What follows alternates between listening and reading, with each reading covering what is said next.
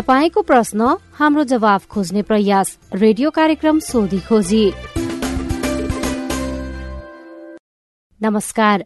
Radio कार्यक्रम सोधी खोजीमा तपाईँलाई स्वागत छ। म सजना तिमल सिन्हा। तपाई यो कार्यक्रम सामुदायिक रेडियो प्रसारक संघ अकुराबद्वारा संचालित सामुदायिक सूचना नेटवर्क सीआईएन मार्फत देशभरिका सामुदायिक रेडियोबाट सुनिरहनु भएको छ। साथै सीआईएन खबर डट कम र मोबाइल एप सीआईएनमा पनि यो कार्यक्रम सुन्न सकिन्छ। आम नागरिकमा लक्षित कल्याण र समुन्नतिका लागि प्रजातान्त्रिक पद्धति अपनाई कानून बमोजिम संचालित कुशल पारदर्शी र जवाफदेही युक्त शासन प्रणालीलाई सुशासन भनिन्छ। सुशासनले विधिको शासनमा विश्वास गर्दछ। शासन सत्तामा रहेका व्यक्तिले देश र जनताको सेवकको रूपमा आफूलाई नबुझेसम्म सुशासनले मूर्त रूप लिन सक्दैन। अनि सुशासनमा सार्वजनिक सेवा प्रवाह गर्ने राज्य यसका निकाय र सिंहको प्रशासन तन्त्रले देश र जनताको भलाइका लागि काम गर्न निस्वार्थ रूपमा छिटो एवं छरितो सेवा प्रवाह गर्नुपर्दछ। तपाईँले ती सेवा कसरी पाइरहनु भएको छ? तपाईँका सवाल र सेवालाई नागरिक मैत्री बनाउन केही प्रश्न तथा जिज्ञासाहरू छन्?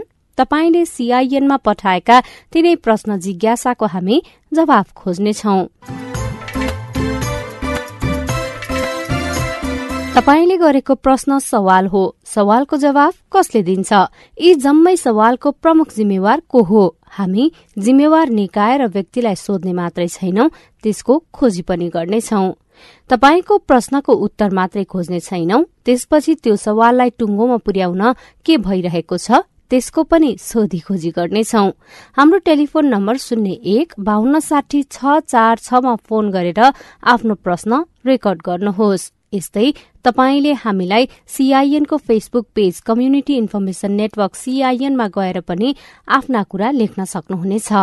तपाई प्रश्न राख्नुहोस् हामी जवाफ खोज्नेछौ कार्यक्रम सोधी खोजीमा। देश संघीयतामा गएपछि सात सय त्रिपन्नवटा स्थानीय सरकार छन्। सात प्रदेश सरकार र केन्द्रमा संघीय सरकार छ। संघ प्रदेश र स्थानीय सरकारबाट सम्पादन हुने काममा ढिला सुस्ती छ अनियमितता भएको छ नियम मिचेर कसैले काम गरेको छ भने तपाईँले ती गुनासा सीआईएनमा राख्न सक्नुहुनेछ। घर दैलोमा सरकार पुगेपछि नागरिकले प्रभावकारी सेवा पाउने र विकासको कामले प्राथमिकता पाउने आशा गरिएको थियो। के? नागरिकले त्यही आशा अनुसारको सेवा पाइरहेका छन्?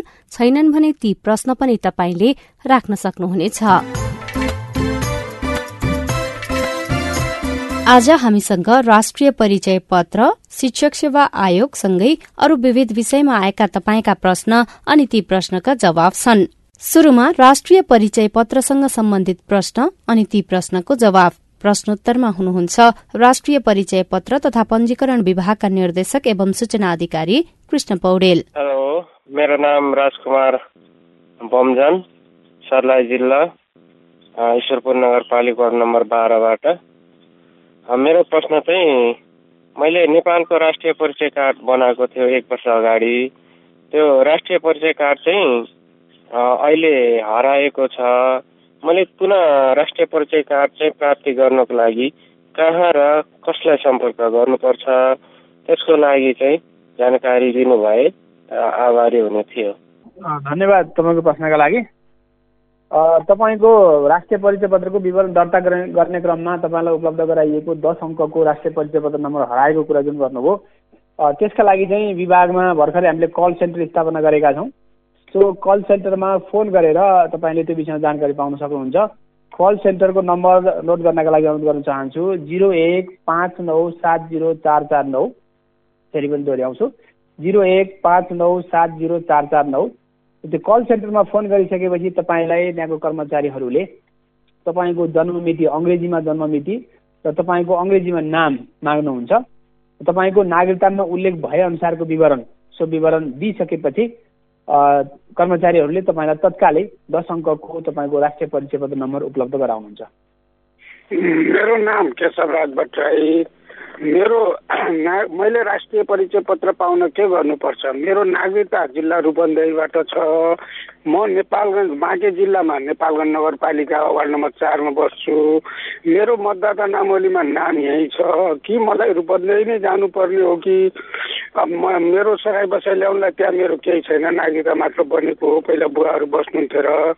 अब मेरो सराई बसाइ नल्याइकन नबन्ने हो कि मेरो भोट लिस्टमा नाम यहीँ छ मैले राष्ट्रिय परिचय पत्र पाउने हो यति जानकारी पाउन पाए हुन्थ्यो धन्यवाद।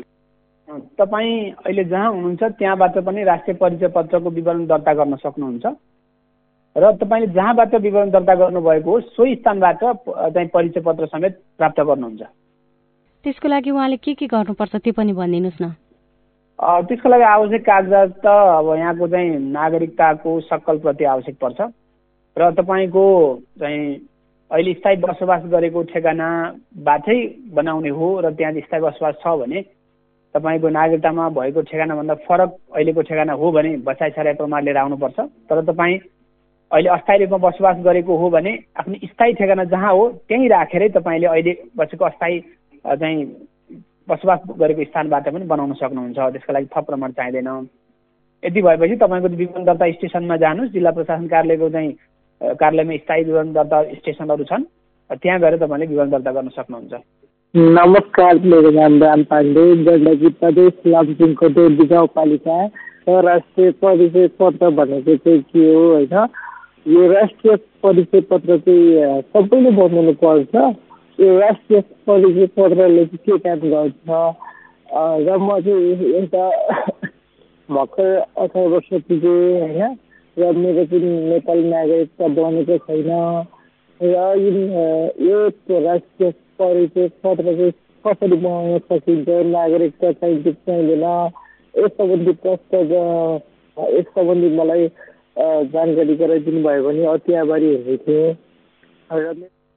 राष्ट्रिय परिचय पत्र नेपाली नागरिकता लिएका व्यक्तिहरूको हकमा मात्रै बनाउने गरी यो प्रक्रिया अगाडि बढेको छ। तसर्थ नागरिकता नभइकन राष्ट्रिय परिचय पत्र बन्दैन। यसको औचित्यको बारेमा जुन कुरा गर्नुभयो किन चाहिन्छ राष्ट्रिय परिचय पत्र भन्ने विषय यो नेपालको संविधानले नै यसको चाहिँ एउटा नीतिगत मार्गदर्शन गरेको छ यसको आवश्यकताका बारेमा। राज्यबाट जति पनि नागरिकहरूले सेवा प्राप्त गर्नुहुन्छ त्यो सरल र सहज ढङ्गबाट एकीकृत विवरणका आधारमा उपलब्ध गराउने गरी राष्ट्रिय परिचय पत्रको अवधारणा आएको हो। व्यक्तिको जन्मदेखि मृत्युसम्मका जति पनि प्रमाणहरू हुन्छन् जुन अहिले कागजी रूपमा हामीले संरक्षण गरिराखेका छौँ प्रयोग गरिराखेका छौँ ती सबै कागजातहरूलाई विद्युतीय रूपमा रूपान्तरण गरी सेवा प्रदायक र सेवाग्राही दुवैलाई दुवैलाई सरल र चाहिँ सहज हुने गरी चाहिँ सेवा प्राप्ति गर्नका लागि यो आवश्यक हुन्छ। र यसका लागि के के चाहिन्छ भन्ने विषय जुन कुरा गर्नुभयो अघि पनि मैले भनिसकेको छु। नेपाली नागरिकताको सकल प्रमाणपत्र आवश्यक पर्छ। तपाईँको चाहिँ नागरिकतामा भएको भन्दा फरक ठेगानामा स्थायी बसोबास गरिराख्नु भएको छ भने बसाइ सराईको प्रमाणहरू आवश्यक पर्छ। तपाईँले चाहिँ विवाह गर्नुभएको छ भने विवाह दर्ता अथवा नाता कायम हुने नाता प्रमाण खुल्ने अन्य प्रमाणहरू पनि आवश्यक पर्छन्। र तपाईँले चाहिँ राष्ट्रिय परिचय पत्रको विवरण दर्ता गर्न आफ्नो जिल्लाको जिल्ला प्रशासन कार्यालय अथवा नजिकको केही इलाका प्रशासन कार्यालयहरूमा पनि हामीले यो सुविधा विस्तार गरेका छौँ। त्यो स्थानबाट पनि लिन सक्नुहुन्छ। र अभियानको रूपमा तपाईँको वडा स्तरमा पनि यो चाहिँ राष्ट्रिय परिचय पत्रको विवरण सङ्कलन गर्ने टोलीहरू आउँछ। त्यो बेला पनि तपाईँले आफ्नो विवरण दर्ता गर्न सक्नुहुन्छ। र करिब एक वर्ष चाहिँ को अवधिमा यहाँले विवरण दर्ता गरे अनुसार परिचय पत्र पनि यहाँको विवरण दर्ता गरेकै स्थानमा उपलब्ध हुन्छ। र अहिलेको हकमा हामीले यो राष्ट्रिय परिचय पत्रलाई राजधानी विभागसँग चाहिँ यसको सेवा आबद्धता गरेका छौँ। आगामी दिनमा अन्य विभिन्न सेवाहरू राज्यबाट प्रभाव हुने विभिन्न सेवाहरूमा पनि यो चाहिँ अन्तराबद्धता हुँदै जाँदा यसको आवश्यकता र महत्त्वको बारेमा यहाँहरूलाई चाहिँ बोध हुने नै छ। नमस्कार मेरो नाम अरुण थारू। म कैल बस्छु बाडगङ्गा नगरपालिका वार्ड नम्बर एघारबाट हो। मेरो प्रश्न यस प्रकार रहेछ। यदि परिचय पत्रको रजिस्ट्रेसन नम्बर बिर्सिएमा वा हराएमा हामीले त्यो रजिस्ट्रेसन नम्बर कसरी पत्ता लगाउन मिल्छ? र काठमाडौँ जाने पर काठमाडौँ जा जान पर्छ भने आवश्यक कागज के के लानुपर्छ? तपाईँले यसका लागि काठमाडौँ आउनु पर्दैन। तपाईँले त्यहाँबाट नै विभागले स्थापना गरेको कल सेन्टरमा फोन गर्न सक्नुहुन्छ। र कल सेन्टरले नै तपाईँलाई तपाईँको हराएको राष्ट्रिय परिचय पत्र नम्बर जुन दस अङ्कको हुन्छ त्यो उपलब्ध गराउँछ।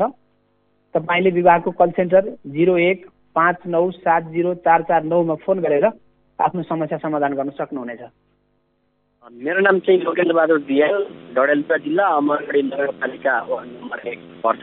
मेरो प्रश्न हामी राष्ट्रिय परिचय पत्रको लागि दुई हजार सतहत्तर साल नौ महिना नौ गते चाहिँ परिचय पत्रको लागि फर्म भरेको र अहिले दुई वर्ष बितिसक्दा पनि हामीले राष्ट्रिय परिचय पत्र पाएको छैन र हामीले राष्ट्रिय परिचय पत्र कहिलेसम्म पाउन सकिन्छ यस विषयमा जानकारी पाउनु। तपाईँले विवरण दर्ता गर्दाकै क्रममा राष्ट्रिय परिचय पत्र नम्बर जुन दस अङ्कको हुन्छ त्यो पाइसक्नु भएकै छ। र अहिलेको हकमा राष्ट्रिय परिचय पत्र नम्बरको आधारमा पनि सेवा आबद्धता गर्न सकिन्छ। र परिचय पत्रको जुन कुरा गर्नुभएको छ विभागले हालसम्म हामीले विवरण दर्ताको कार्यलाई प्राथमिकतामा राखेको हुनाले परिचय पत्र छपाईको काम अलिकति कम प्राथमिकतामा परेको थियो। तर अहिले हामीले विभागमा रहेको छपाई मेसिनको क्षमतालाई अभिवृद्धि गरेर दिनको दुई सिफ्टमा छपाई गर्ने काम सुरुवात गरिसकेका छौँ।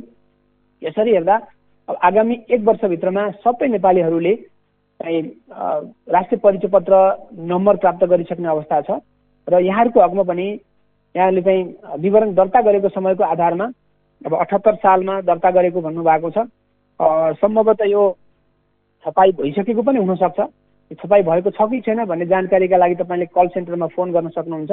यदि छपाई भएको रहेनछ भने पनि यो चाहिँ एक वर्षभित्रमा तपाईँले आफ्नो विवरण दर्ता गरेको स्थानबाट नै परिचय पत्र पाउने गरी छपाईको सुनिश्चितता हुन्छ। सिआइएनको फेसबुकमा आएको प्रश्न छ प्रमिला कुवारले लेख्नु भएको छ मैले अनलाइनबाट घरमै राष्ट्रिय परिचय पत्रको फर्म भर्न खोजेको सबै डाटा सही हाल्दा नि सक्सेस भएन इनकरेक्ट डाटा भयो भनेर जवाब आयो। पहिलोबाट दोस्रो गएन अनि सबै डाटा हालेको म्यान्डेटरी जुन भएको छ त्यति जति सबै हाले प्रमिला कुँवरको प्रमिला लेख्न नमिल्ने रहेछ त्यही भएर हो र तर नेपालीमा आएको थियो अर्कै गरी लेख्दा त प्रमिला चाहिँ आएको थियो भनेर भन्नुभएको छ। त्यो चाहिँ प्रि इनरोलमेन्टमा फारम भर्दा चाहिँ तपाईँको रोमनाइज चाहिँ युनिकोडमा लेख्नुपर्ने हुन्छ। अब हामी कतिपय चाहिँ विगतमा प्रिति फन्ड चलाउने व्यक्तिहरूको लागि ट्रेडिसनल चाहिँ सजिलो हुन्छ। त्यो चाहिँ अप्ठ्यारो लाग्न सक्छ। यो चाहिँ रोमनाइज भएको हुनाले। आउँछ तपाईँको चाहिँ नाम स्पष्ट लेख्न मिल्छ। त्यसमा अप्ठ्यारो हुँदैन। केही समस्या भयो भने फेरि पनि यहाँलाई कल सेन्टरको नम्बर दिन्छु। टेक्निकल्ली तपाईँको चाहिँ फारम भर्दै गर्दा काहीँ समस्या भयो भने कल सेन्टर जिरो एक पाँच नौ सात जिरो चार चार नौमा फोन गरेर आफ्नो समस्या समाधान गर्न सक्नुहुन्छ। उहाँ हुनुहुन्थ्यो राष्ट्रिय परिचय पत्र तथा पञ्जीकरण विभागका निर्देशक एवं सूचना अधिकारी कृष्ण पौडेल। तपाई अहिले कार्यक्रम सोधी खोजी सुनिरहनु भएको छ। यो कार्यक्रम सामुदायिक रेडियो प्रसारक संघ अखुराबद्वारा संचालित सामुदायिक सूचना नेटवर्क सीआईएन मार्फत देशभरिका सामुदायिक रेडियोसँगै सीआईएन खबर डट कम र मोबाइल एप सीआईएनमा पनि सुन्न सकिन्छ। कार्यक्रममा हामी तपाईँको प्रश्न लिन्छौं अनि ती प्रश्नको जवाब सम्बन्धित निकायलाई सोध्छौं। तपाई पनि कार्यक्रममा सहभागी हुन सक्नुहुनेछ। त्यसको लागि तपाईँले शून्य एक बान्न साठी छ चार छमा फोन गरेर आफ्नो प्रश्न रेकर्ड गर्न सक्नुहुनेछ। यस्तै तपाईँले सीआईएनको Facebook page community information network सीआईएनमा गएर पनि आफ्ना कुरा लेख्न सक्नुहुनेछ। केही बेर अघि हामीले राष्ट्रिय परिचय पत्र तथा पञ्जीकरण विभागका निर्देशक एवं सूचना अधिकारी कृष्ण पौडेलसँग राष्ट्रिय परिचय पत्रसँग सम्बन्धित प्रश्नको जवाब लियौं। अब शिक्षक सेवा आयोगसँग सम्बन्धित प्रश्न। सबै प्रश्नको जवाब दिँदै हुनुहुन्छ आयोगका सूचना अधिकारी सुदर्शन मरहट्टा। नमस्कार म ढकारी गाउँपालिका वडा नम्बर एकबाट बुढा हो। यो शिक्षक सेवा आयोगको यो लाइसेन्सको खुल्ने भन्ने कुरा चाहिँ भइरहेको थियो। अब यो चाहिँ असारमा इक्जाम हुन्छ भन्ने चाहिँ सुनिरहेको छु। अब यो हुन्छ कि नै? यो बारेमा बताइदिनु हुन हजुरलाई आग्रह र हार्दिक अनुरोध गर्दछु। धन्यवाद। शिक्षक सेवा आयोगको वार्षिक कार्यतालिका अनुसार हामीले चाहिँ जुन चैत वैशाखमा अध्यापन अनुमति पत्रको विज्ञापन गर्ने कार्यतालिका रहेको छ र सोही अनुसार चाहिँ हामी आयोगले विज्ञापन गर्ने गर्नेछ र त्यही विज्ञापन गर्दाखेरिकै अवस्थामा कहिले परीक्षा लिने भन्ने कुरो पनि त्यही विज्ञापनमा उल्लेख गर्ने भएको हुँदा अहिले नै यो मितिमा मैले परीक्षा हुन्छ भनेर भन्न सक्ने अवस्था नभएको म जानकारी गराउँछु।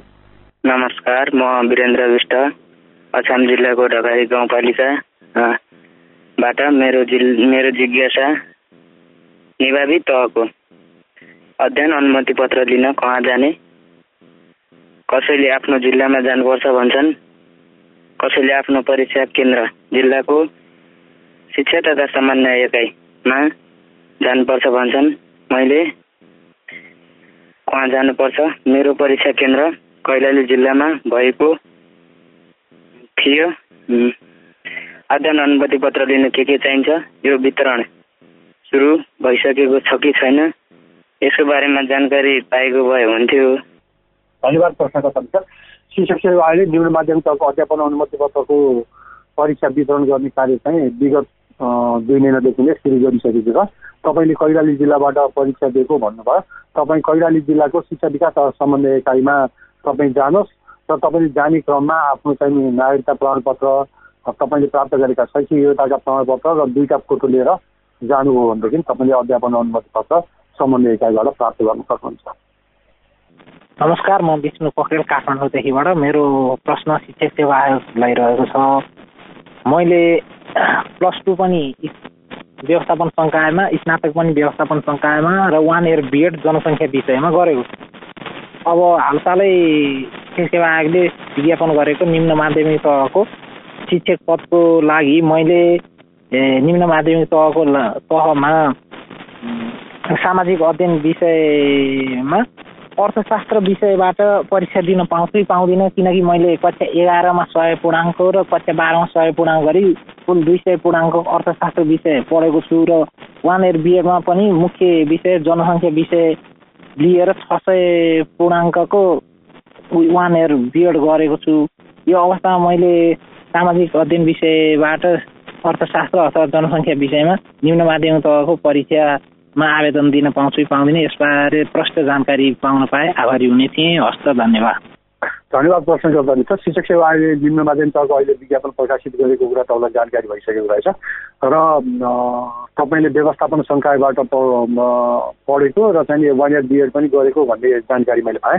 त्यस अवस्थामा तपाईँको जुन अध्यापन अनुमति पत्र विषयगत छ भने तपाईँले चाहिँ निम्न माध्यमिक तहमा सम्बन्धित विषयमा अध्यापन अनुमति पत्रको आधारमा जुन विषयमा लिनुभएको छ त्यसमा भर्न सक्नुहुन्छ।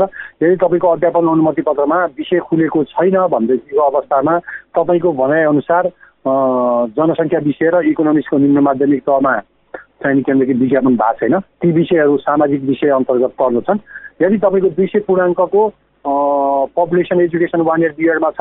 त्यसपछि यतापट्टि म्यानेजमेन्टमा पनि इकोनोमिक्स भनेर स्पष्ट रूपमा तपाईँको लेखिएको छ भनेदेखि तपाईँ सामाजिक विषयको उम्मेदवार हुन सक्नुहुन्छ।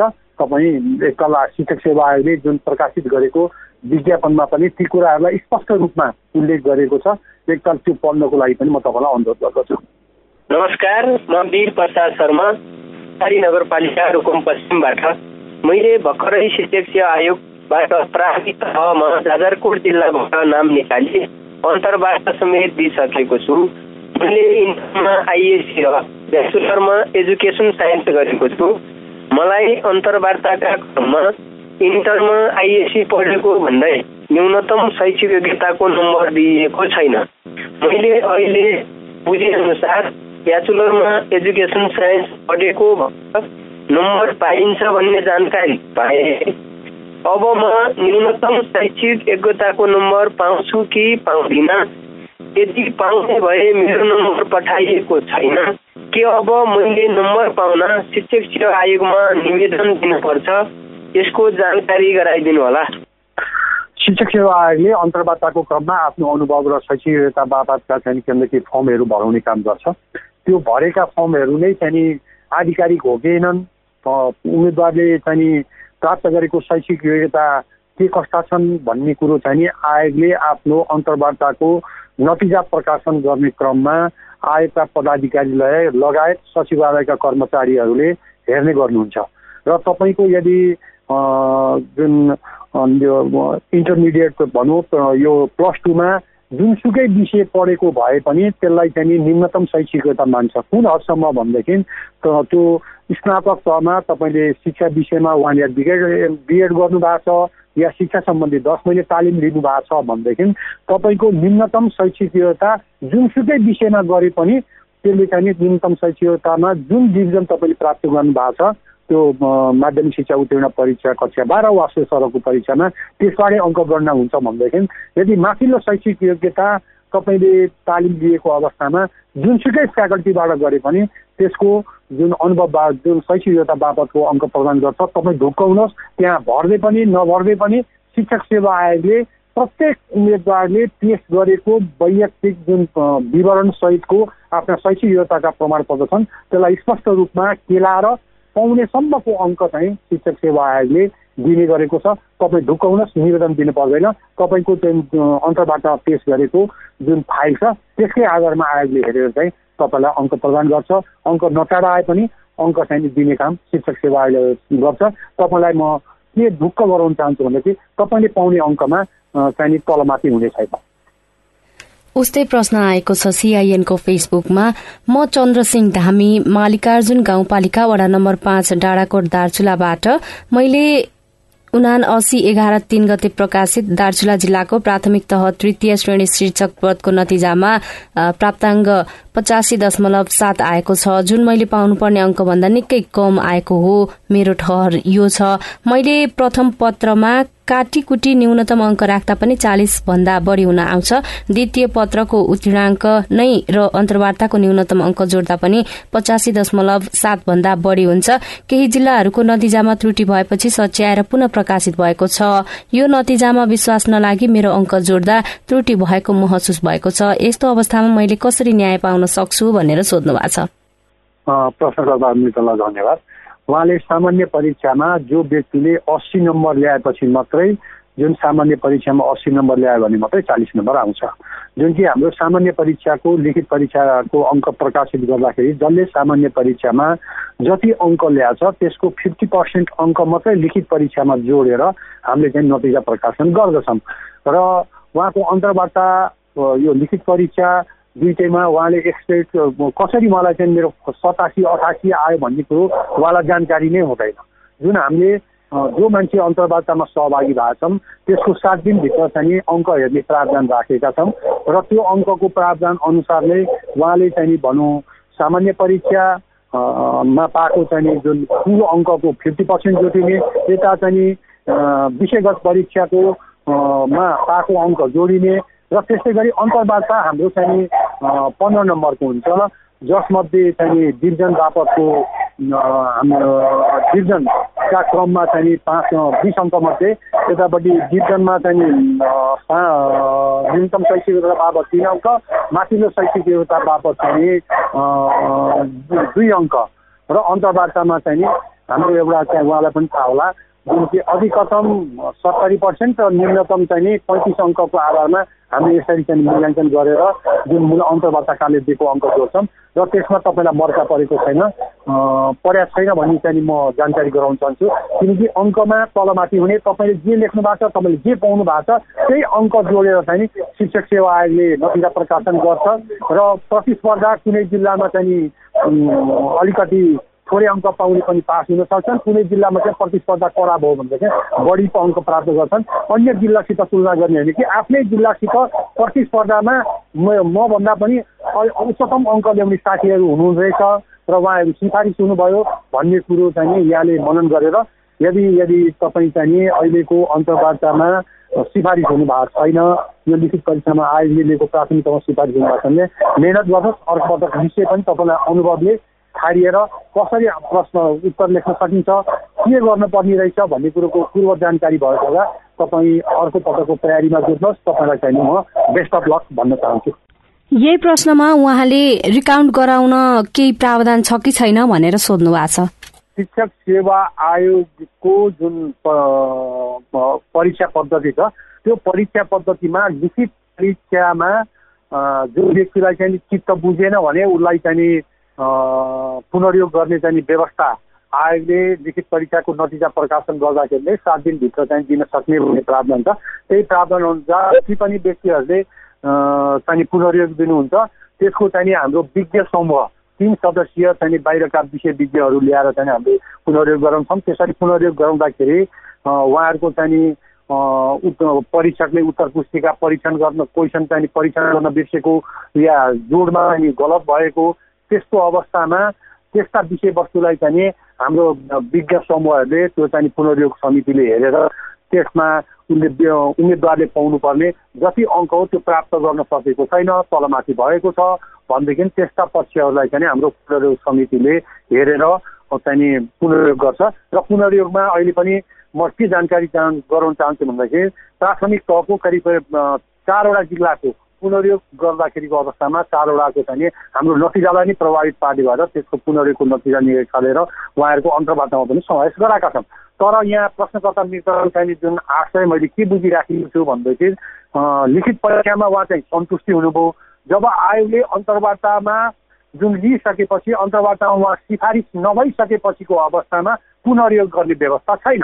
किनभनेदेखि लिखित परीक्षाको विगतको लिखित सामान्य परीक्षा र चाहिँ विषयगत परीक्षाको नम् नम्बर जोडेर नै चाहिँ के हामी अन्तर्वार्तामा योग्यता क्रमको आधारमा चाहिँ लिखित परीक्षाको नतिजा निकालेका छौँ। त्यसपछि अन्तर्वार्तामा जम्मा चाहिँ मोटामोटी रूपमा हाम्रो चाहिँ न्यूनतम शैक्षिक बापत तिन अङ्क माथिल्लो शैक्षिकता बापत दुई अङ्क अनुभव बापत चाहिँ जिरो पाँच अङ्क र अन्तर्वार्ता हाम्रो चाहिँ नि पन्ध्र अङ्क मात्रै जब पच्चिस अङ्कको हुने भयो त्यो अङ्क चाहिँ नि हाम्रो विज्ञ समूहले दिएको जुन अन्तर्वार्ताकारहरूले दिएको अङ्क तपाईँको चाहिँ शैक्षिक योग्यताको अनुभवको अङ्क जोडेर त्यहाँदेखि हामी नतिजा प्रकाशन गर्छौँ। र त्यसमा पनि हामीले विज्ञापन जुन जिल्लाको लागि जति चाहिँ पद सङ्ख्या चाहिँ विज्ञापन गरिएका हुन् त्यसको चाहिँ आधारमा हामी चाहिँ के भनेदेखि सिफारिस गर्छौँ र त्यसैको दस प्रतिशत दस प्रतिशत चाहिँ व्यक्तिहरूलाई हामी वैकल्पिक सूचीमा चाहिँ निकाल्ने गर्छौँ। तर म चाहिँ फेरि विनम्रतापूर्वक के अनुरोध गर्छु भनेदेखि